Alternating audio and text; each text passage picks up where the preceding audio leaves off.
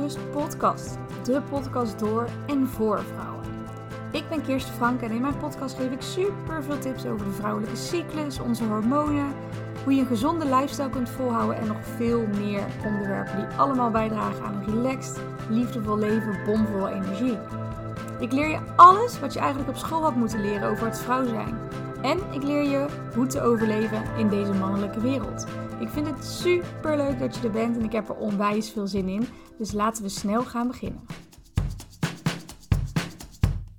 Hey dames, welkom. Ik wil het vandaag even met jullie hebben, kort en krachtig, over ovulatie zweet. En ik zal je eerlijk zeggen, ik heb geen idee of dat een echt woord is. En anders heb ik hem bij deze bedacht voor deze versie.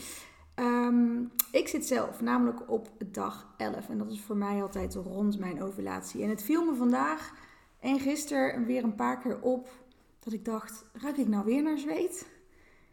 En ruik ik nou anders dan normaal? Dus ik dacht, ik weet allemaal wel hoe het werkt, maar toch kwamen die gedachten in me op. En ik denk, nou, laat ik het maar eens even uh, gewoon met jullie delen. Want dit heeft elke vrouw. En ik ben benieuwd of jullie daar ook uh, dingen in herkennen. Dus laat het me straks vooral weten. Want misschien herken jij dit wel. Je ruikt altijd. Je zweet altijd. Elke dag. Doen we allemaal. Hè? Maar in principe is je zweet geurloos totdat het in contact komt met bacteriën op de huid. En dan oud zweet, hè, dat gaat stinken. Vers zweet stinkt eigenlijk niet. Ehm, maar soms heb je van die dagen dat je opeens denkt, het ruikt anders. Of het ruikt veel sterker. En wat ik dus wel eens heb, is dat ik dan net onder de douche uitstap. En dat ik denk, hè? Nog voordat ik mijn deo opgespoten heb, denk ik, moet ik nou weer douchen? Ik heb toch net, ik heb toch net mijn oksels gewassen? Hoezo stinkt het nou alweer? Um, en ook dat je gewoon niet alleen onder je oksels stinkt, maar opeens overal. Weet je wel, onder je borsten of in je, uh, in je knieholtes, ik zeg maar wat. De meeste gekke plekken. Um, en ik was gewoon even benieuwd of dat herkenbaar voor je is. Nou, in ieder geval, bij mij is dit zeker geregeld het geval. En ik noemde het net ovulatiezweet, maar eigenlijk is die term niet helemaal goed. Want dit treedt ook vaak op net voor je menstruatie. En of je het nou meer rondom je ovulatie hebt of rondom je menstruatie, dat verschilt een beetje per persoon. En het ligt ook een beetje aan hoe je hormonen op dat moment aan het werk zijn. Maar weet in elk geval dat het weer komt door je hormonen. En ik dacht, ik ga jullie gewoon eens even uitleggen hoe dat zit. Um, ik zeg dit heel vaak. Onze hormonen beïnvloeden heel veel dingen op ons dagelijks leven. Um, maar ook in ons lichaam. Dus niet alleen ons brein, maar ook ons, onze zweet, onze verbranding, onze uh, slaap, noem maar op. En dus ook echt, echt op je zweet. En in dit geval gaan we het vooral hebben over het moment dat je oestrogeen gaat dalen. Dus als jij richting je ovulatie gaat, dan stijgt jouw oestrogeen heel erg. En op het moment dat jouw ijsprong daar is, dan daalt die in één keer. Nou, en net voor jouw menstruatie dalen ook al jouw hormonen. Dus dat zijn de twee punten waar we het vandaag over gaan hebben. En die vooral voor zweet zorgen. Nou, hoe komt dat dan? Twee manieren. Ten eerste, oestrogeen die zorgt dus niet alleen voor je ijsprong, maar die heeft nog veel meer functies in het lichaam. Um, hij is onder andere gelinkt aan je hypothalamus, dus aan je brein. En die zorgt er onder andere voor dat jouw lichaamstemperatuur onder controle blijft. En dat doet jouw lichaam door te gaan zweten. Hè. Wordt het te warm, dan zweet je het eruit. Nou, wat gebeurt er nou? Op het moment dat jouw oestrogeen heel erg daalt, dan heb je uh, net je ijsprong gehad. En tijdens je ijsprong stijgt jouw lichaamstemperatuur. Die krijgt een enorme piek. Opeens gaat die omhoog. En daarna gaat hij weer langzaam afnemen. En die enorme piek, die kan jouw brein even in verwarring brengen. Want die denkt opeens, ho, ho, ho, er komt oververhitting aan. Dat moet ik niet hebben. En daarom ga je zweten in eerste instantie. Ik heb het zelfs altijd zo erg dat ik gewoon in mijn bed, als ik s'nachts slaap, kan herkennen wanneer mijn ovulatie is. Omdat ik dan echt een nacht lang lig te zweten. Dat is net na je ijsprong. Jouw lichaamstemperatuur stijgt dan ontzettend. Daarnaast daarna, ook direct daarna, daalt jouw oestrogeen best wel hard. En dat is ook iets wat ervoor zorgt dat jouw lichaam aan het werk zit. Dat zorgt er namelijk voor dat jouw, ehm, in dit geval weer jouw brein denkt: wat gebeurt er? Wat gaan we doen? Hij was heel erg lekker aan het gaan op die oestrogeen. Oestrogeen wordt ook wel gezien als je, als je happy hormoon. En opeens is die weg en daalt die heel erg hard. En zeker als je hormonen uit balans zijn, dan kan die daling extra hard zijn. Uh, wat ook weer voor die verwarming zorgt. Dus daardoor krijg je ook heel vaak dat je extra gaat zweten.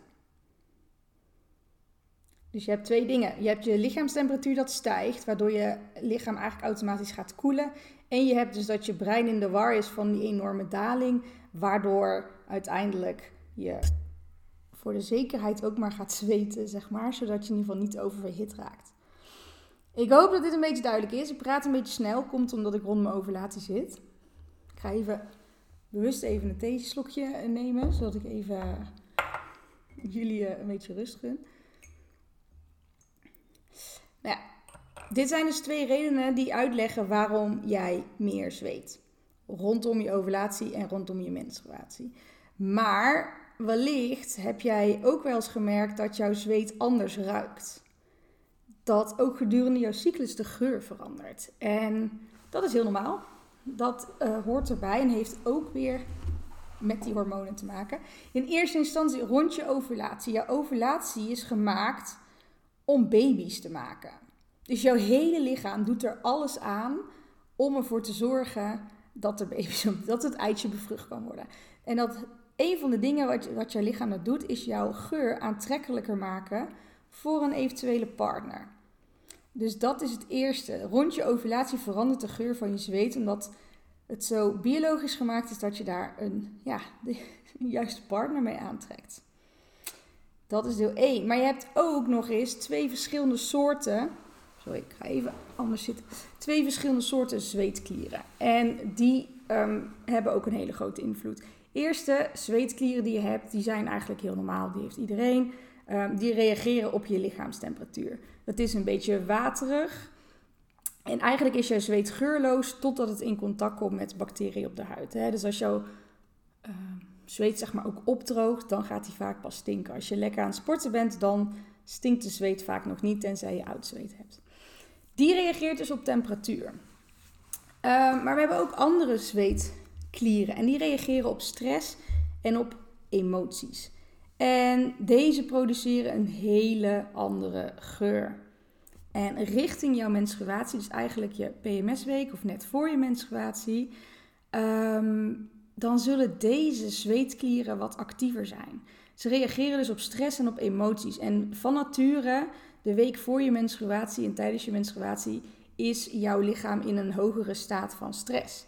Wat betekent dat die klieren die dus reageren op de stress, meer zweet produceren, maar ook dus een sterkere geur produceren. Dus um, ik noem het ook wel een beetje je angst zweten. Hè? Op emoties en op uh, stress, cortisol. Als jij misschien vroeger voor de klas een presentatie moest geven, dan had je ook angst zweet. Of als je iets heel eng vindt, dan is dat de zweet. Die is ook veel penetranter en aanwezig. En omdat je dus naar je menstruatie toe um, van nature meer uh, stress in je lichaam hebt, dat heb je al. Laat staan als je daar nog gaat sporten en andere uh, problemen hebt. Maar van nature heb je al richting je menstruatie meer stress. Dus zijn die zweetklieren ook actiever. Ik hoop dat het een beetje duidelijk is. Als ik het dus nog heel even kort samenvat. De uh, ovulatie zweet, zoals ik het noem. Ook wel rond je menstruatie zweet. Dus de alle manieren van zweet die in onze cyclussen veranderen. Komt door de daling van oestrogeen in het lichaam. Dat zorgt voor meer zweet. Het, zorgt, uh, het komt door een piek in je lichaamstemperatuur. Zorgt ook voor meer zweet. Um, voornamelijk rondom je uh, ovulatie. Maar het kan ook net voor je menstruatie zijn. En je zweet verandert gedurende je cyclus. Rond je ovulatie, dan ben je aantrekkelijk voor een andere partner, ruik je op de ene manier. En richting je menstruatie ga je eigenlijk stiekem meer een beetje naar die angstzweet toe. Zweet vanuit, um, ja, vanuit je stress en vanuit uh, emoties. Dames, dit was hem alweer voor vandaag. Een kort maar krachtige uh, podcast in dit geval van de ovulatie zweet. Of in ieder geval de manier van zweten van ons lichaam. Ik hoor heel graag of je dingen herkent of het ehm, bij jou ook voorkomt. Laat het me vooral even weten. En ik zou het echt heel tof vinden als je ook deze podcast zou willen delen op je social media. Zodat we nog meer Nederlandse vrouwen en jonge meiden kunnen bereiken. En hier gewoon bewust van kunnen maken. Super bedankt voor het luisteren. En ik hoor graag van je. Groetjes.